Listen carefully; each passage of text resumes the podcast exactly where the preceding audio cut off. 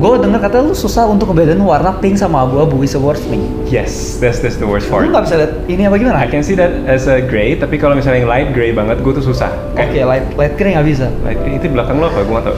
I found uh, happiness in minimalism juga. Memories itu lebih berharga daripada things. Barang, laptop, uh, baju semua bisa rusak, bisa hilang. Tapi your memories, no one can take your memories. Lo butuh atau enggak? Lo perlu atau enggak ini? Kan udah ada yang ini. Gue selalu ngomong, gue selalu nanya sama diri gue sendiri. Karena yang salah dari orang tuh karena kita nggak pernah ngomong sama diri kita sendiri. Gue ada satu quotes dari Halle Berry. Gue suka banget ya. Dia judulnya Start. Jadi start with your doubt, start with your voice trembling, start with nothing, but start. Kita nggak akan pernah tahu apa pun yang kejadian di hidup kita if you're not start. Welcome to the Hustler Talk. Senang banget nih kali ini kedatangan Oki Alparezi. You udah datengin gue jauh-jauh ya. Nggak jauh sih kalau bagi Jakarta. Sebenarnya awalnya gue sama Julio bareng, Hmm. cuma memang Julio sekarang biasa kita berdua nih, pengen Oke. banget menyerang dua lawan satu sebenarnya. gue diapa nih? Cuma karena memang uh, Julio lagi berangkat ke Bali untuk cek ombak buat Java Estetik, jadi mau nggak mau untuk ya mungkin 4 sampai 5 waktu ke depan gua sendiri. Sendiri ya. Tapi bakal oke banget kalau sebenarnya Julio juga masuk sebenarnya. Tapi itu oke.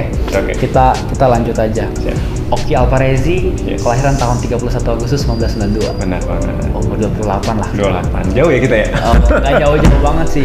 Tapi kalau misalnya gue lihat di Instagram lu, lu sangat berdedikasi dan mengabdi untuk LSPR gak sih? Yes, education. Sampai sekarang pun kita sekarang lagi ada di LSPR. di kampus LSPR, right? Uh, lu dari angkatan 2011 kalau iya gak sih? Angkatan Gua kalau ya angkatan 2010 lulus SMA, tapi Oke. eh, lulus 2014, lanjut S2 2015, habis itu Asdos baru ngajar. Oke. Sekarang selain ngajar dan lain-lain, gue ngeliat sisi yang lain nih. Apa tuh? Winner Elman. Alhamdulillah. Gila ya. Iya. Gue ngeliat lu pas di apa? Pas lu di TV, lu ngomong kayak gitu, gue bilang ini pasti winner. Gue jujur lu, gue gue ngikutin lu, gue follow the pageant, gue follow Elman, dan gue ngeliat lu winner. Ya, no doubt man. Lu lu pasti menang sih orang. Thank Jadi gue bingung, gue antara mau manggil bapak karena lu dosen atau lu mau manggil bro gitu. Bro aja bro, kita nggak jauh beda kan? Jauh beda usianya kan? Iya. Gue juga dua dua enam sih gue. Sekarang. Iya, jauh sih. Nggak. Gimana? Oki, Ya. bro Oki kesibukannya sekarang? Kesibukan sekarang gue masih ngajar, Oke. ngajar um, untuk marketing, introduction to marketing sama public speaking. Terus juga gue sekarang um, sebagai head of marketing untuk postgraduate program. Jadi uh, untuk S2 sih biasanya untuk S2 sama e-learning program S1 di LSPR. Oke. Itu. Jadi Nah, kalau nggak salah kemarin sama Bro Ivan Kabul juga. Ivan Ya. Kabul. Ivan Kabul tuh bagian dari apanya tuh? Ivan Kabul dia student sini. Oh, student juga di sini. Iya, student di sini juga. Jadi emang ada kenal Ivan Kabul juga. Kenal juga berarti ya sama Ah, Ivan sempet dia? tahu kalau followan aja sih karena waktu itu iya di Alman. Oke, oke. Tapi belum buat konten bareng belum. Oke, oke. harus lah buat konten bareng sama dia. Terus um, sekarang juga dia sebagai winnernya Elman menjalankan tugas sebagai hal influencer. Terus juga gue punya social platform warna lain tentang buta warna. Karena gue salah satu pengidap buta warna Nah juga. itu yang menarik yang akan gua tarik sih nanti. Berarti kalau misalnya nih buta warna, lu gue denger katanya lu susah untuk ngebedain warna pink sama abu-abu is the worst thing. Yes, that's that's the worst Lu part. nggak bisa lihat ini apa gimana? I can see that as a gray, tapi kalau misalnya yang light gray banget, gue tuh susah. Oke, light light grey nggak bisa. Light gray itu di belakang lo apa? Gue nggak tahu. Is it gray? Jadi nggak, gue bingung. lu ngelihat ini nggak tahu, yang lu lihat apa sekarang? Kadang-kadang ngeliat abu-abu kayak pink, kadang ngeliat pink kayak abu-abu. Jadi kayak samar gitu. Terus sama juga coklat. Nih, ini hijau ya, hijau sama Oke. coklat gue susah ngeliat. Jadi gue ngeliat daun sama batang pohon tuh gue gak tahu bedanya apa warnanya. Oke. So I see that as the same color. Jadi hijau sama coklat susah, ungu sama biru susah. yang lu pakai sekarang gimana? biru. Kalau biru, karena gue kalau gue tuh tipe buta warnanya adalah uh, red green atau partial. Partial ya. Nah, partial. Jadi kalau uh, tipe kayak gue ini, we can see all shades of blue. Bisa ngeliat semua. Jadi Oke. makanya di rumah gue tuh banyak banget baju warna biru, biru Oke. dongker, biru muda. Karena satu-satunya warna yang paling jelas gue lihat adalah warna biru. Oke, itu kalau gue lihat maksudnya lu em, bisa sadar itu pas SMP, is it right? Yes, right. SMP gue sadar itu gara-gara abang gue mau masuk militer, Oh. buta warna. Dokternya bilang coba pulang. Abang Bang- lu juga buta warna? Yes, buta. Abang gua, gue, terus kakak ipar gue juga buta warna. Jadi ya gue di sekeliling orang yang buta warna. Eh, itu sorry itu bawaan keturunan atau gimana? Eh, yes, genetik. Genetik dari Ya, nyokap. Dari nyokap. Jadi kalau buta warna kan dia emang silang ya. Jadi em, nanti gue punya anak, anak gue nggak buta warna. Tapi kakak gue yang cewek punya anak Oh. bisa buta warna. Jadi perempuan itu sifat pembawa, laki-laki penderita. Kasian laki-laki ya. Gimana perasaan lu pas lu tahu kok gue nggak bisa ngelihat sama kayak orang lain? Pertama gue menyalahkan diri sendiri sih. Jujur kayak, kok gue bego banget. Kayak gue gue kelas 5 SD gue ingat banget, kok gue bego banget. Gue gue tuh suka melukis. Yes. Gue menang beberapa kali lah lomba melukis. Um, Lukisnya lukis baju, lukis orang, wajah atau gimana? eh, lukis pemandangan orang segala macem gitu. Berarti Jadi- abis itu gue boleh lihat dong hasil lukisan lu? boleh boleh boleh Oke. boleh banget nanti gue nanti gue tunjukin juga lukisan pertama gue juga nanti gue tunjukin jadi waktu itu kelas 5 SD gue mewarnai kan gue sempat mewarnai pakai krayon anak kan terus gue tuh nggak tahu gue mau ngecat si pohon gue nggak tahu tuh pohon tuh warna apa jadi tapi orang-orang selalu bilang pohon tuh warna coklat. Nah, jadi gue pura-pura sibuk teman gue, eh, coy, ambilin ini dong, ambilin warna coklat dong, gue lagi sibuk nih. Terus teman gue hand over coklat, oh ini coklat. Terus kejadian menarik juga, gue pernah ikut lomba melukis karena gue emang suka buat ngelukis. ini ya. sorry, itu pas lu kelas berapa tuh? Lu lomba lomba melukis kelas 5 sama. Oke. Jadi kayak kelas 5 tuh gue mulai suka gambar segala macem em, lomba terus gue nggak gambar penari Bali. Nanti mungkin akan gue kasih tahu juga ya nanti ya. Gue akan kirimin juga kalau nanti Oke, oke. fotonya biar lo bisa display. Gue cat si penari Bali itu warna hijau ininya. Kulitnya. Jadi sebenarnya uh, inventornya Hulk tuh gue sebenarnya. Yang kirim.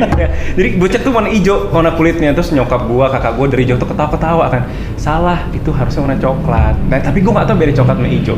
Tapi alhamdulillah menang juara tiga sih. Oke. Walaupun tuh, tuh, tuh kulitnya Ah, sama warna waktu lu tahu uh, buta warna, kondisinya nyokap lu juga belum tahu kalau anak-anaknya buta warna. belum tahu. Jadi kelas 5 tuh belum tahu.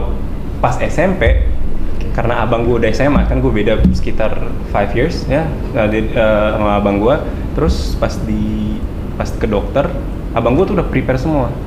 Kan biasanya SMA kita udah prepare tuh ya udah tes kesehatan pokoknya udah masalah kesehatan udah belajar pull up belajar push up Hmm. gigi udah dirapiin apalah segala macem. Eh kepentok di pantohir masalah namanya gue lupa pokoknya dia yang terakhir-terakhir itu yang kesehatan terus dicek mata nggak rabun nggak apa eh ternyata buta warna. Terus dokter bilang "Ah, bapak ibu coba punya anak cowok nggak? Punya adiknya gitu. Coba sekarang pulang 99% anak bapak juga buta warna.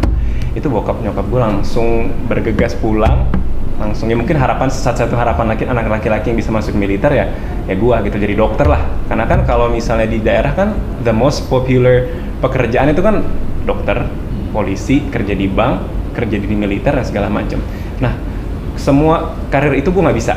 Oke. dan itu eh, buat orang daerah itu sangat membanggakan banget. Ya habis itu dan gue pengen jadi pilot waktu itu. Ya sedih sih karena nggak bisa nggak bisa menggapai mimpi gue karena mata. But it's fine. Ya sampai sekarang sampai udah sekarang ini ya. alhamdulillah ternyata jalannya berbeda. jalannya beda ya kan yang tadi pengen jadi pilot eh tapi sekarang gue jadi dosen which is fine which is which is nggak masalah Dan ketika waktu orang tua orang tua lu tahu lu buta warna, reaksi apa yang pertama kali orang tua lu kasih tahu ke lu? Kalau bagaimana? sebenarnya orang tua gue juga karena gue dari daerah ya jadi mereka tuh agak Dari Sumatera. Utara ya? Sumatera Utara lu masih di Sumut, di Medan. di Binjai Ah, ya Oke. Binjai pokoknya small town banget lah dan um, di situ mereka masih nggak ngeh sebenarnya apa sih buta warna itu? Karena banyak banget orang tua sebenarnya yang nggak tahu apa itu buta warna tahu anakmu buta warna ya pasti sedih. Oke. ya kan? Pasti sedih aduh anak gua nanti Tapi gimana? sorry nyokap lu nggak nggak buta warna. nyokap gua nggak. Karena kalau cewek jarang. Oh, tapi penderita banyak cowok. Gitu. Terus bokap gue juga enggak nah tahu buta warna itu aware mulai dari saat itu gitu. Jadi semenjak itu gua masuk SMA gua nggak diwajibin lagi untuk masuk IPA dulu semua anak-anaknya harus IPA gitu. Yes. sejak itu gue boleh bebas milih apa pun. Gue IPS gue pindah ke Jakarta gue ngambil komunikasi yang itu nggak populer di, di keluarga gue Belum populer. belum populer pada saat itu ya. Apa sih komunikasi? Gue bilang trust me aja. Bagus It kok. works, ya. it works.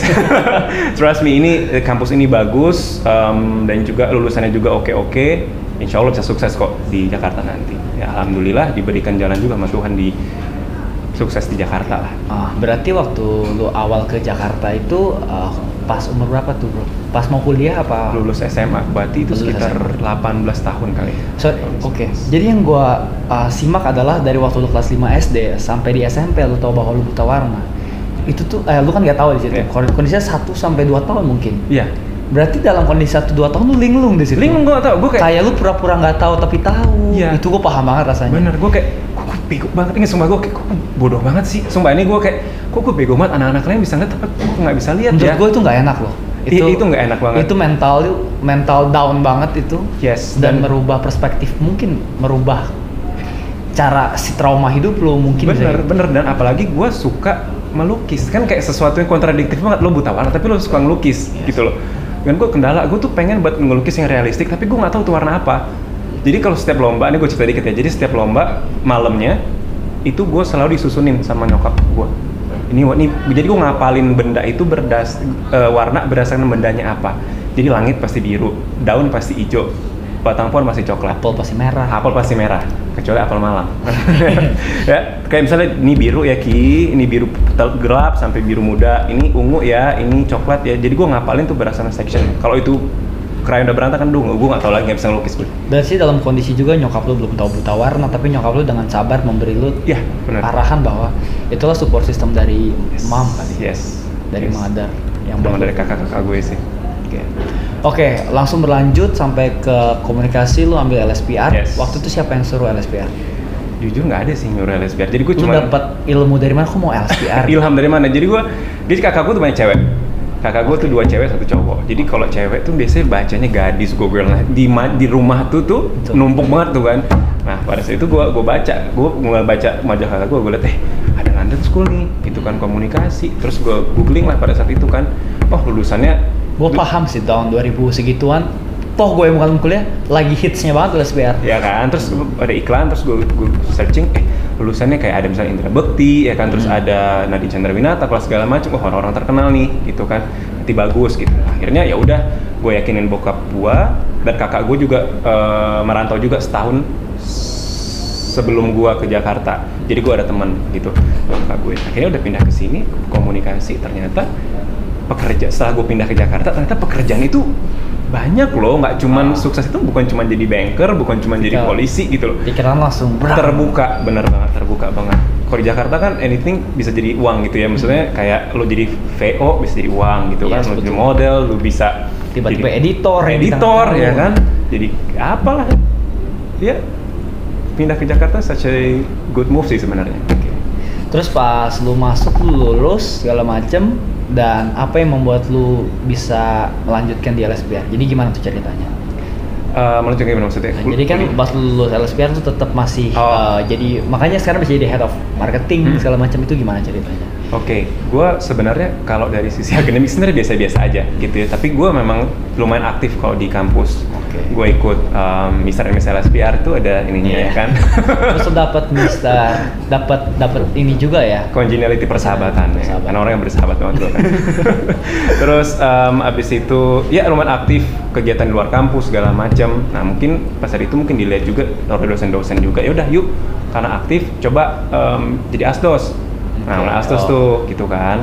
Ternyata suka, ah, seru juga ya. Karena gue emang suka ngobrol ya, masuk anak komunikasi nggak suka Iya. ngobrol ya kan. Lu aja anak komunikasi Iya, kan, suka gua. suka ngobrol kan. Nah, terus terlepas daripada itu, ternyata ngajar itu gue enjoy di ngajar. Tapi em, akhirnya karena gue pengen explore dunia lagi, gue keluar tuh dari LSPR. Keluar dari LSPR, gue kerja di CNN Indonesia. Berarti sebelum keluar tuh jadi asdos. Asdos sama gue juga kerja marketing di sini gitu.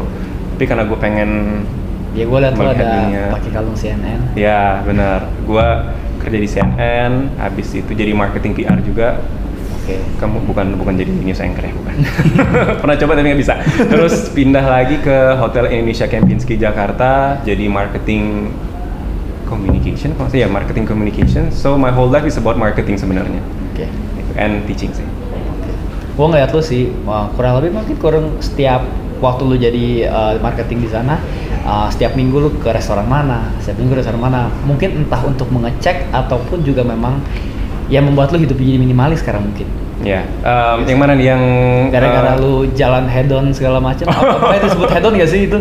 Em, karena waktu itu gue, gue muak sendiri sama diri gue sebenarnya waktu pas gue mulai hidup minimalis ya, mencoba mulai hidup minimalis waktu itu. Karena gue Oke, eh, minimalis itu ngomong nanti deh kalau gitu. Kenapa? Oh, Uh, ah. belum belum nyampe situ. Oh, belum nyampe situ, oke. Belum. Tapi waktu uh, apa? Ketika apa yang membuat lu satu setengah tahun mengeksplor dan kembali lagi ke LSPR? Oke. Apakah eh, ditarik lagi sama ininya timnya apa gimana? em, ditarik lagi sih waktu itu karena Ki mau ngajar nggak jadi dosen waktu itu. Oke. Karena kan gue udah lulus S2. Oke. Karena untuk ngajar S1 Oke, harus lu kenapa S2. bisa punya pemikiran ambil S2? Karena menurut gua kan di LSPR ada tuh namanya akselerasi program. Oke, Jadi ya. dalam waktu lima tahun lo bisa dapet S1, S2. Why not Oke. gitu. Dan gua tahu juga dengar omong orang omongan orang juga kalau lo udah kerja lo pasti males S2 nanti gitu. Yes. Karena S2 menurut gua jadi kayak invest. Kan invest kan nggak cuman baju, nggak cuman emas, tapi education juga one of the most important investment juga in our life. gitu. Dulu gue juga mikir banget sih, gue pengen S2 karena cuma setahun segala macam, tapi kayaknya di Untar nggak nggak ada paket kan kayak Kayak gitu. gitu. Jadinya sekarang gue udah kenal jadi jadi jadi males. jadi males kan jadi ya udah sekalian aja toh gue perlu nggak perlu kalau gue pada saat itu bokap gue masih bisa biayain gue gue juga masih semangat kenapa nggak ambil Oke. misalnya pun nggak berguna banget itu S2 tapi kan gue udah punya udah punya title itu Itu balik eh, kemudian mau nggak ngajar gue bilang mau sih ke gue enjoy waktu jadi aja asdos. Terus eh, sekarang jadi eh, waktu itu masih manager marketing manager mau nggak? Oh ya udah let's do it gitu kan. Dan gue juga tahu anak orang-orang LSPR udah kenal segala macam orang yang nyaman enak so why not? Gitu. Jadi uh, pekerjaan lu, jadi sebelumnya itu belum belum jadi head of marketing di uh, untuk postgraduate ya? belum belum. Awalnya dari uh, dosen terus, itu ambil ngajar apa tuh? Waktu itu. communication science. Uh, ya masih di communication science untuk sama gue masih belum berubah dari dulu itu masih uh, public ngajar public speaking sama introductions to marketing jadi masih ya seputar komunikasi juga lah Jadi yang lu ajarin ke anak-anak, gue tuh sempat lihat stalking Instagram lu, terus gue lihat komen-komennya waktu lu lagi gini-gini gini lagi kongres-kongres dan ternyata itu angkatan GMS gue temen-temennya. Oh iya. Terus, uh, Gina. Oh, Gina, ya ya ya ya, no, Iya. Gi- Gina Gina Rani ya? Ya, iya, Ya, ya, dia ya, dulu ya. gue ikut GMS tuh sangkatan sama dia. Cuma memang dia kan masih uh, masih kecil di Iya. bawah gua. Iya. Jadi anjir ini muridnya gua harus panggil apa nih besok, Bro? Eh nggak mungkin nih anak anak temen gue gitu. Iya, iya, iya, iya. Ya gue cuma tahu itu doang sih. Yang lain gua nggak tahu LSPR, Maya Moren temen gua, ada Sadrak. Gue cuma tahu itu doang sih. Iya, iya. Uh, anak-anak yang apa? Pentas pensi-pensi gitu. Hmm, biasanya sih kalau anak anak-anak komunikasi ya, anak-anak yang ikut modeling atau pageants pasti muter-muter situ aja sih orang-orang. Iya sih seharusnya sih itu itu aja. Iya. Ikut, ikut Koko Cici juga banyak banget anak-anak LSPR yang berangkat sih. Enggak gua enggak. Oh, enggak, lo enggak? Teman-teman guanya Oh, aja. iya. Gua udah cukup putra Indonesia. Udah cukup. Cukup ya? cukup. Ya jadi apa uh, lanjut ke pekerjaan segala macam Hmm. dan sekarang Mas kenapa lu bisa berubah jadi ikutan elemen? Gue sih gue sih ngeliat ya karena awalnya terinspirasi dan lu ikut satu program dari salah satu influencer dan lu beli programnya tiga bulan badan lu berubah. Oh iya. Kenapa badan, kenapa lu mau ikut? Kenapa lu mau beli program itu? Program eh gue nggak apa sebut nama ini. Boleh juga kalau disebut soalnya gue takut spellingnya salah jadi gue nggak mau ngomong. Oh, namanya Brody Balo. Brody Balo, yes. Actually itu nama um, it stage name dia. Gue sudah sering lihat dia sih. Yes. Cuma gue nggak tahu kalau dia tuh jualan program atau gimana. Ya. Uh, si Stephen Hardy namanya Stephen Hardy. Nah, waktu apa ya? Waktu itu gue hire dia juga pengen kebentuk badan plus juga pengen ikut elemen ya Hmm. pengen bagus lah gitu ya. Dan gue ngeliat dia itu sebagai sosok yang uh, health influencer juga, tapi itu nggak pelit ilmu.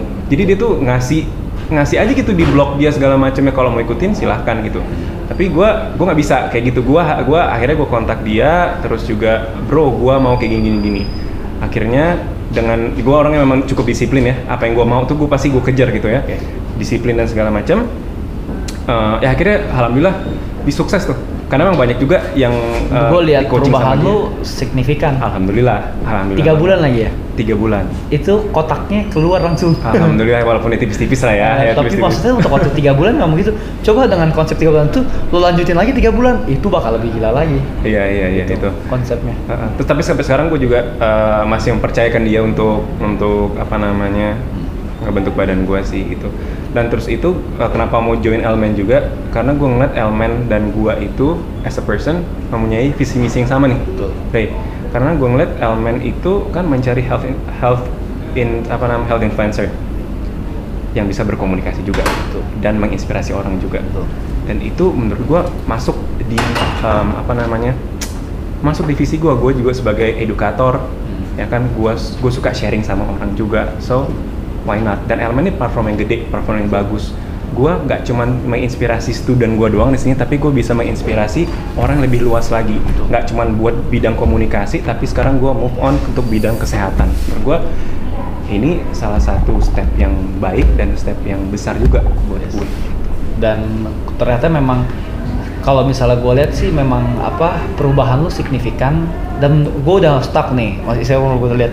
Lu udah berubah badannya sebelum ikut elemen. Gue bilang lu gue kalau gue bilang ya maksudnya lu tanpa elemen dulunya kalau lu nggak masuk elemen pun lu akan tetap bisa mengikuti banyak orang sih Iya, tapi karena elemen lagi lu malah buka wadah lagi lu Iya. buka platform lebih besar lagi untuk lebih luas lagi Benar. dan menurut gue lu nggak salah pilih jalan benar benar, benar. lu, tetap di tempat yang benar dari Iya. segi gua yang sudah uh, hidup lebih dulu dalam dunia pageant lu Hmm. nggak lu nggak salah pilih maksudnya dari segi perjalanan semuanya Iya. dan akhirnya yang gue salut juga yang gue respect dari Elman adalah dia melihat kekurangan lu menjadi kelebihan lu. Yep. dan itu membuat lu membuat warna lain. Ya warna lain. Nah itu gimana jalannya? Gue cerita di awal dikit banget ya. Jadi gue itu waktu pas daftar elemen kan disuruh bikin inspirational speech. Betul. Mungkin lo udah baca juga di di, di ini gue Instagram gue jadi gue tuh apa ya yang diinspirasi dari diri gue gitu. Oke gue mau ngomongin tentang gue ngajar segala macam. cuman kayaknya that's just too basic gitu. Terus gimana ya gue mau masukin gue buta warna gitu.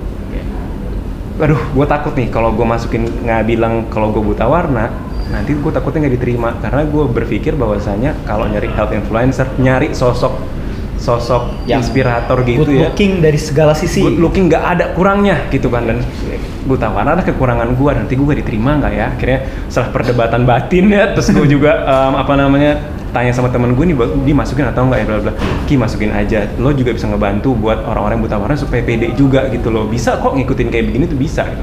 Akhirnya gue masukin alhamdulillah itu menjadi salah satu penilaian juga buat Elmen ternyata bukan jadi halangan buat gue bukan pengurangan nilai tapi malah menjadi sesuatu yang unik yang bisa gue bagikan ke masyarakat. Gitu.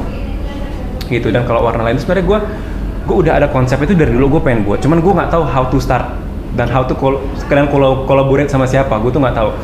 Terus pas ikut elemen ya udah gue buat deh mumpung lagi apa namanya ini uh, gue didengar juga udah banyak orang yang dengar jadi caranya how to start adalah memulai udah gitu doang. Iya. how to start adalah start. Ya start gitu terus em, apa namanya yang gue lihat gue ada beberapa juga teman yang buta warna terus gue tanya iya gue tuh cukup depres.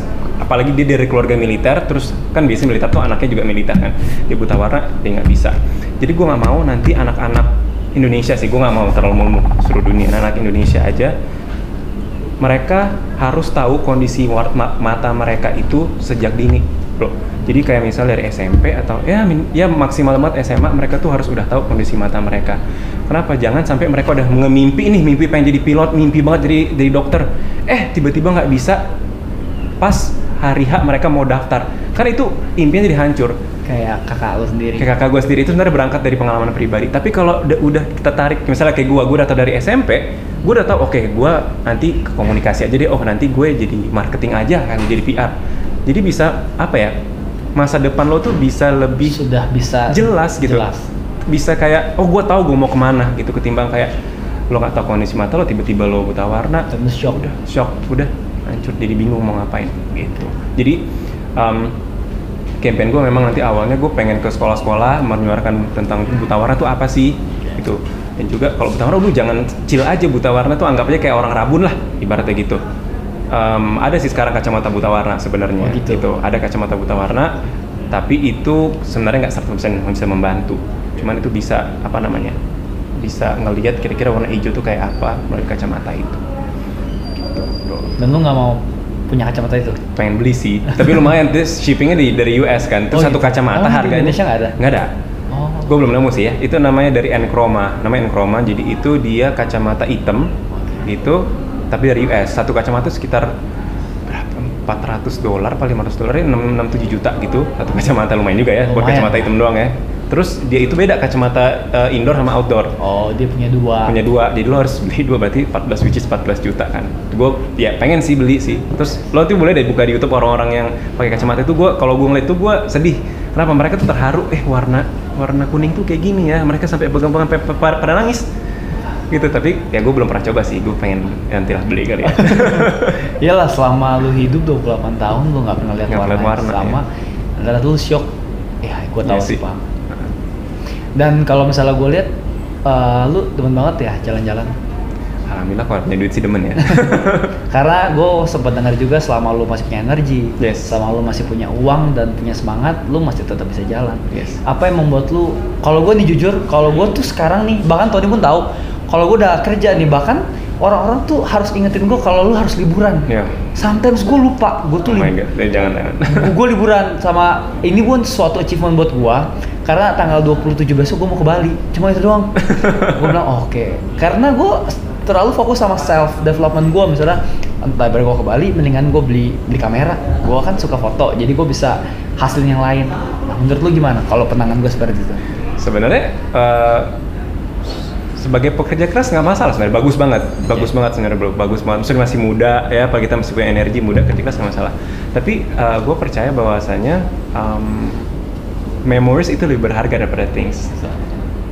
Barang laptop uh, baju semua bisa rusak bisa hilang. Tapi your memories no one can take your memories. Ibaratnya kecuali Tuhan ya. Kecuali Tuhan. Ya itu udah udah udah beyond.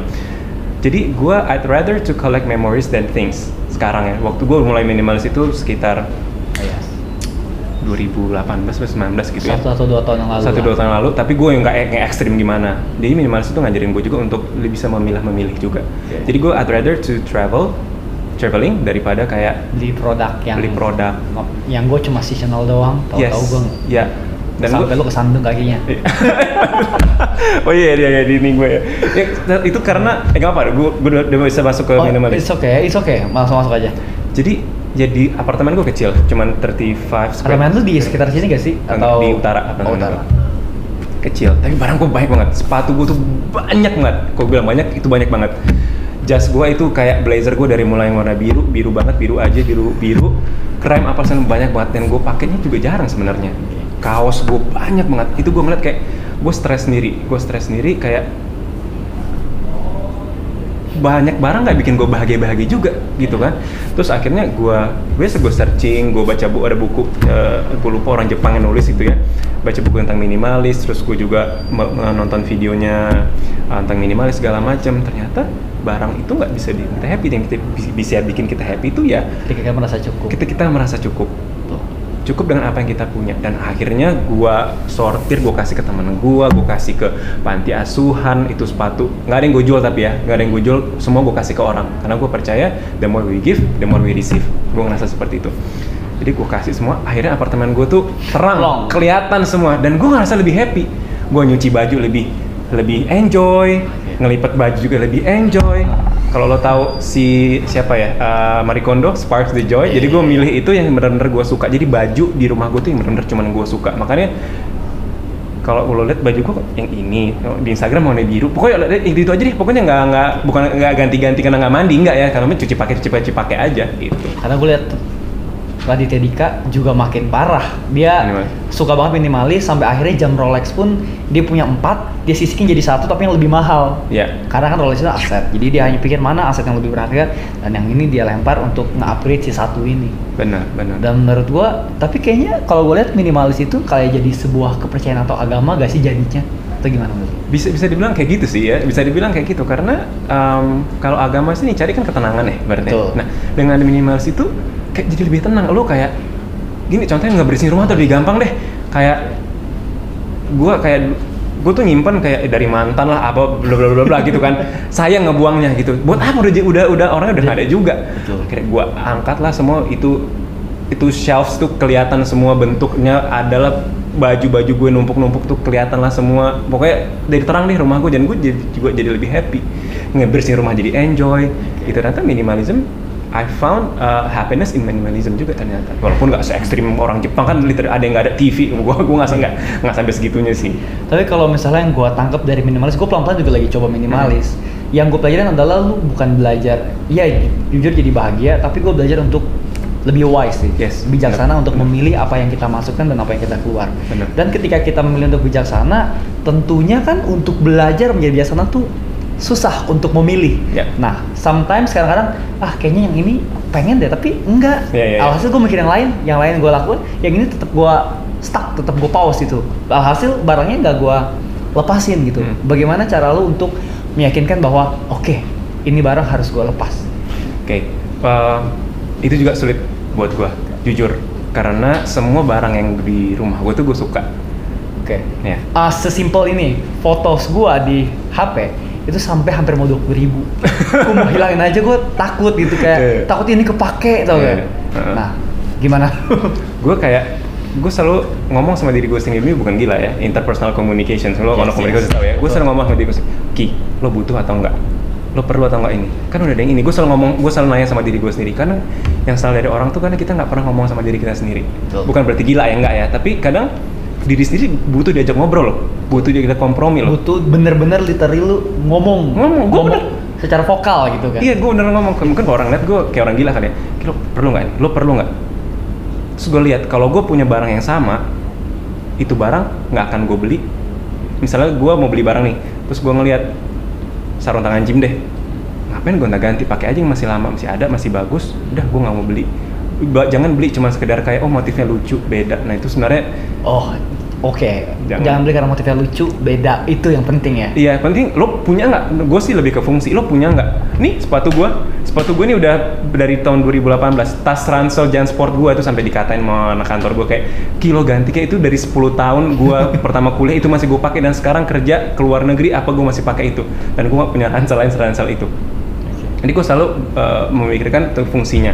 Kalau misalnya udah rusak, sebisa mas sebisa mungkin gue perbaikin gue perbaikin. Bukan pelit enggak, tapi gue sayang sama itu barang.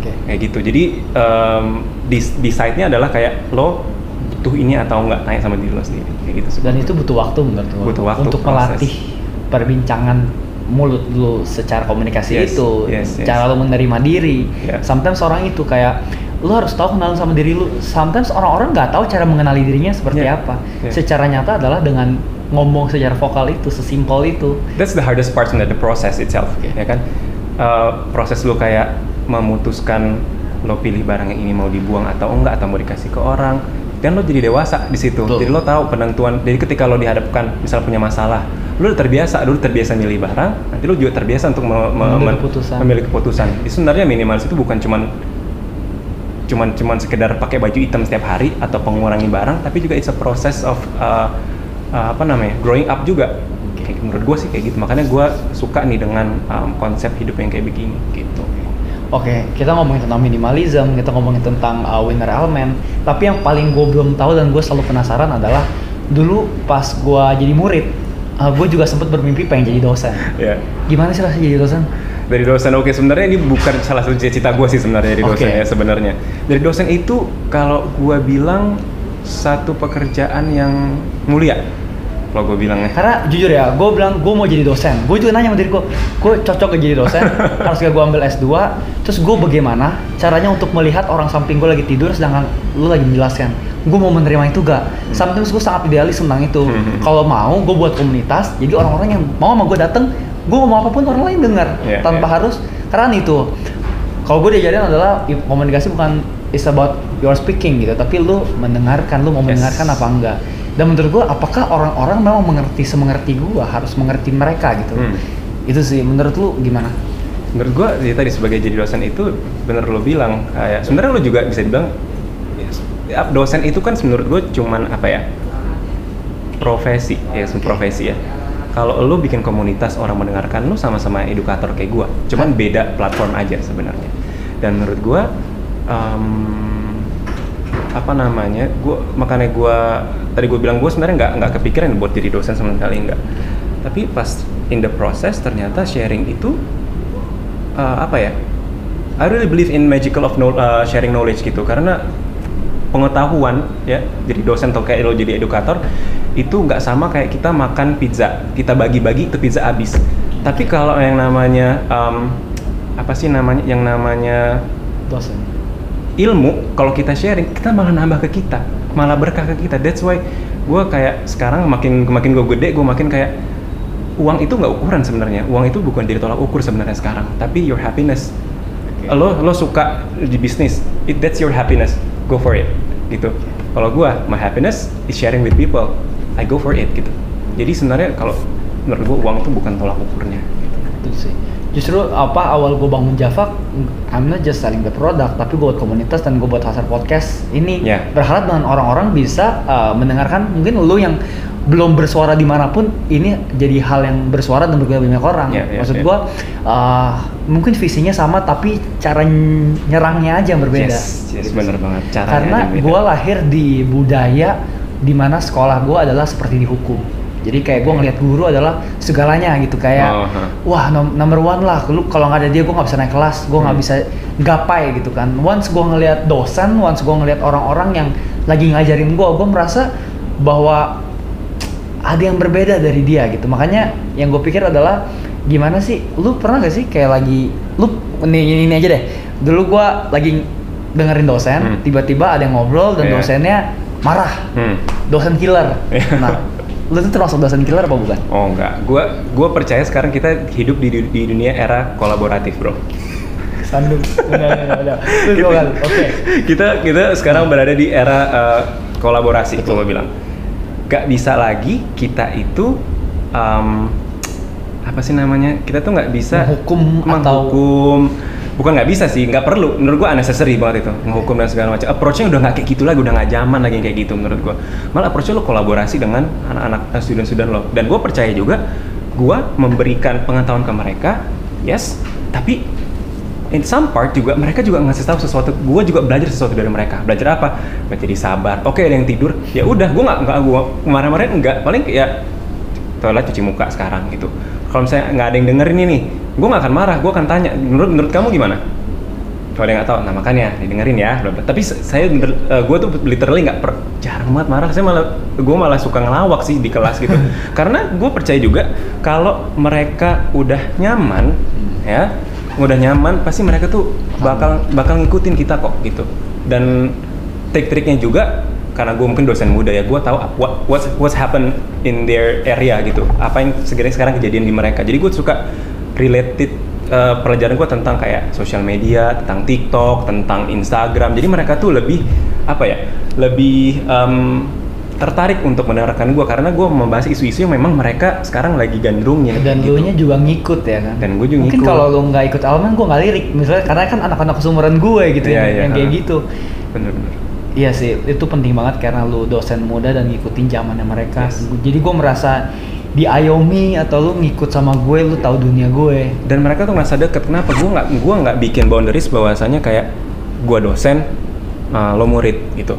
Gue nggak bikin building that wall gitu. Tapi gue malah bikin uh, kita temenan. Kita tuh hampir sa- kita sama kok. Kita diskusi. Jangan kayak terlalu selalu gue yang ngasih gue yang ngasih materi segala macam. Lo juga harus ngasih feedback ke gue gue bilang gitu. Pokoknya um, karena nanti at the end of the day ketika mereka kerja kan kan kuliah gunanya untuk nanti peng- untuk bekal mereka kan Betul. ya mereka nggak mungkin cuman kayak dengerin bos apa segala macam tapi butuh mereka pasti uh, akan menyuarakan sesuatu akan menyuarakan ide kalau itu dipendam dari sekolah Betul. dari SMA sampai kuliah juga dipendam mereka nggak bisa as- mengaspirasikan apa yang mereka mau ya nanti di kerjaan juga jadinya nggak nggak apa ya nggak nggak nggak bersinar lah jet gitu. lag ibaratnya. Iya tiba-tiba kayak Shock culture gitu ya maksudnya. kan nah jadi gue sih mau mendidik mereka sejak ini bukan cuman belajar uh, apa namanya uh, ilmu komunikasi doang tapi juga belajar kolaborasi belajar respect. Uh, nggak cuma sama gue doang tapi sama teman-temannya. Gue malah jadi pengen sih masuk ke dalam kelas lu, ngajarin gimana gue pengen dengerin gitu. boleh banget nanti kalau udah ini ya kalau udah nggak pandemi ya masuk Oh, kelas gue pengen, ya. pengen banget sih ngelihat ngelihat lu ngajar as a dosen dan gue bisa ngobrol sedeket ini sama lu kayak Iya itu zamannya gue banget maksudnya gue mungkin nggak bisa ngobrol sama guru gitu yang kayak gini justru takut banget kayak dia pun juga nggak tahu bahasa gue, gue pun nggak tahu bahasa Yes, dia. yes. Sam- sampai kemarin baru kemarin banget ada salah satu dosen undang gue untuk jadi risetnya dia karena mau jadi pembicara ngomong bisnis. Hmm. Dan waktu gue datang sama dia sama persis kayak lu maksudnya dia dia mungkin nggak tahu bukan dosen dosen muda tapi dia mau tahu ya bukannya gue jadi sok tahu tapi gue malah jadi respect maksudnya gini bu kalau gini-gini ibu yang ngajarin gini ibu inget gak yang ibu ajarin kayak gini Hmm. itu maksud saya tuh yang ini bu oh iya ya iya. Kayak jadi lucu gitu loh. Iya, iya. sometimes ketika belajar sabar belajar bijaksana dan belajar mau menerima uh, akan dapat hal-hal baru yang gue dapetin dan mungkin dosen lain dapetin juga. Bener itu itu mungkin nggak kita nggak ada di textbook dan itu mungkin nggak ada di silabus uh, sebuah universitas atau institut. Nah yang itu yang yang, yang lo dapetin di proses ketika lo belajar Betul. proses ketika lo berinteraksi dengan teman-teman kelas lo. Makanya menurut gua pendidikan tuh penting banget. Pendidikan bukan cuman lo datang ke kelas absen enggak tapi lo kolaborasi sama teman-teman lo bikin event bikin Betul. ini bikin program bikin acara segala macam itu lo banyak belajar kan Yes. Yang gue lihat salah satu LSPR kalau bikin event pasti selalu hit sih. itu yang. Alhamdulillah. dulu gue sebelum masuk LSPR juga uh, abis itu karena satu sama lain kok yang wanita lebih banyak daripada laki-laki akhirnya karena singkat cerita lebih dekat rumah jadi gue Iya, untar Untar ya. tapi sebenarnya teman-teman gue LSPR semua sampai Tony pun jadinya LSPR link linknya gue semua di situ Gue juga LSP jadi kenal sama LSPR, lo kan. jadi- Iya. Gak apa-apa lah, nggak apa-apa beda. Yang penting kan tujuannya sama ya bagus, yang bagus. jadi sekarang lu uh, sibuk ngajar habis Ngajar. itu juga head of marketing postgraduate itu kerjanya ngapain Oke, head of market seperti judulnya ya marketing ya, pa- pasti gue promotions, bikin event. kalau postgraduate itu in- S2. kenapa sih maksudnya S2, ah, S2. postgraduate jadi S2. Jadi gue memang handle untuk departemen khusus untuk marketing S2. Jadi orang or, untuk orang-orang yang mau masuk S2 atau setelah S2 mau ke mana lu yang handle? Apa gimana? Ah, jadi orang-orang yang lulus S1 udah lulus nih. Nah, mereka mau ngelanjutin S2 itu nanti bisa masuk ke LSPR. Nah, itu via de- via departemen gue. Oh itu yang lu atur lah. atur kayak dari segi promo. Lu jorong marketing pasti tahu lah ya. Kayak dari segi promosi kemudian juga um, iklan mau di mana mana mana aja yang cocoknya di mana segala macam. Nah, itu departemen gue yang yang yang um, bertanggung jawab. Selain itu juga gue handle untuk program e-learning juga S1 ya which is itu yang nggak datang ke kampus. Jadi semuanya online 100% online. Jadi for all day long kerjaan lu sharing doang, kerjaan lu ngajar, kerjaan lu mengedukasi orang iya. Setiap hari dengan 24 hours pemikiran lu seperti itu terus. iya. Ngajar terus juga ya ya tadi ngurusin handle si marketing segala macam dan juga sekarang jadi winner of winner element juga. Jadi em, ya. Dan juga sekarang bikin social platform juga warna lain. Ya cukup bervariasi sih. Warna Hmm. lain akan jalannya seperti apa nanti? nantinya gue rencananya pengen bikin komunitas sih sebenarnya. Tapi sekarang ini karena masih sangat prematur ya gue gue bilang ya sangat baru banget gue sekarang mau isi isi konten buat em, apa sih namanya uh, talk show aja internet talk show terus juga tentang fakta-fakta buta warai yang orang-orang nggak banyak tahu Gue liat konten lu lumayan aktif. ya alhamdulillah ya itu gue semua kerjain sendiri gue ngerisain sendiri gue nyari sendiri Wow, pokoknya I feel you bro. lu juga ya, lu tau lah ya gimana struggle-nya gitu ya. Um, juga yang ngurusin LSPR juga marketingnya gitu kan dan juga ngajar ya lumayan sih masing-masing beda-beda semua sih ngajar marketing Tapi punya- sebenarnya itu satu lingkup. Satu lingkup, dan bener. gue ngeliat satu ya satu lingkarannya seperti Bener, itu. bener. Dengan lu menang, men- apa, menang elemen segala macam, lu memperkuat ngajar, jadinya wah gue terinspirasi sama uh, ini nih si Oki nih yang ngajar nih segala macam. Gue pengen diajarin sekaligus pengen nanya tips sehat. Biasanya suka gitu kan, iya. tips sehat gimana sih bang? Iya, iya, benar benar kayak masuk ya. dunia baru lagi, kayak Bener. platform yang lebih luas. benar benar banget benar benar banget Oke, langsung aja ke pertanyaan terakhir. Yep. 5 sampai 10 tahun atau 15 tahun ke depan lu mau jadi apa? Ini kayak pertanyaan HRD ya. gue harus selalu tanya kayak gitu ya. Gue kalau ditanya sebenarnya lima tahun ke depan, I can say I don't know sebenarnya. Oke. Karena gue aja yang pengennya jadi pilot, eh ternyata gue nggak bisa.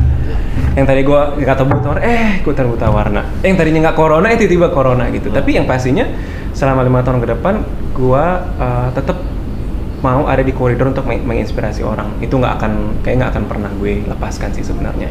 Dan gue percaya juga tadi gue bilang itu semakin the more we give, the more we receive gitu. Jadi gue percaya banget tuh kalimat itu akan terus ada di gue di benak gue. Semakin banyak kita ngasih orang, Tabur tua ya. tabur tuai bener semakin banyak kita ngasih orang semakin banyak yang kita dapatkan jadi kalau tanya 5-10 tahun lagi pastinya gue masih sebagai Oki yang sekarang yang yang menginspirasi orang banyak sih Ah, lebih spesifik 10 tahun lagi lu mau jadi apa profesinya? Profesinya ya. secara detail. waduh ini Udah kayak interview dosen gimana? Mungkin gue jadi S3 kali ya 10 tahun lagi. Waduh, keren gue juga. gue ambil S3 gue pengen ngajar Oh, S2 tapi lu pengen S3? pengen sih. Tapi untuk sekarang belum ya untuk sekarang belum. Sekarang gue masih ya masih banyak kegiatan tapi one day pengen ngambil S3 supaya ilmu juga makin nambah dari sisi, sisi akademik ya eh, bisa ngajar S, buat orang S2 juga. Yang kalau S3 bisa ngajar S2 dan em, punya komunitas yang solid sih si, si, Boleh gak satu pertanyaan lagi? Boleh. Ah, karena lu dosen, banyak banget teman-teman gue sekarang yang lagi mungkin yang masih kuliah karena temen karena, karena kan gue nggak bukan langsung mau tiga setengah tahun, Iya. jadinya ada enam bulan. Sebenarnya kan gue untar empat tahun, tapi masih ada teman-teman yang nyangkut, Ah. Ah, nyangkut karena corona juga dan lain-lain. Nah, lu ada pesan gak sih buat murid-murid temen gue nih? Lu as a dosen, tuh yang lagi putus asa karena nggak lulus karena kemarin gue sedih banget temen gue dari SD Hmm? akhirnya dia singkat cerita dia pengen banget jadi koki. Singkat cerita karena corona segala macem orang tuanya nggak mendukung dan akhirnya dia gantung diri. Oh dan gue sedih banget ngelihat seperti itu dan mungkin ada orang yang seperti itu yang lagi mau nonton ini dan lo as a dosen gimana? Pesan untuk anak-anak seperti itu Oke, pesan untuk anak-anak yang saya belum lulus lah ya. Misalnya, gue ada satu quotes dari Halle Berry, gue suka banget ya. Dia judulnya Start. Jadi, start with your doubt, start with your voice trembling, start with nothing, but start. Kita nggak akan pernah tahu apa pun yang kejadian di hidup kita if you're not start. Sebelumnya, lo harus find your motivation dulu. Motivations, then start and not quit no matter how hard it is, kalau misalnya lo memang suka, never quit. If you're tired, if you feel overwhelmed, if you feel burnt out, don't quit. But rest, istirahat. Kalau misalnya memang uh, capek banget segala macam. Jadi menurut gue lo harus start dulu. Kayak, aduh nggak tahu nih mau mulai dari mana ngerjain skripsi, just start. Start pakai apa aja. Mau itu nulis dulu, mau itu jalan-jalan ke mall, mau itu cari inspirasi, just start. That's the word. That's the only word. Ya udah cukup itu aja Oke bro. thank you banget bro Thank you so much, bro. Um, Sip. Semudahan cerita, cerita kita ngobrol kita bisa jadi inspirasi. Amin. Boleh ngomong bareng nggak? Uh, tiga dan satu salam hustler. Salam hustler. Gimana? Gini. Uh, di situ ya. Oke. Kayak gue di sini. Kayak gini ya. Tiga, dua, satu. Salam hustler.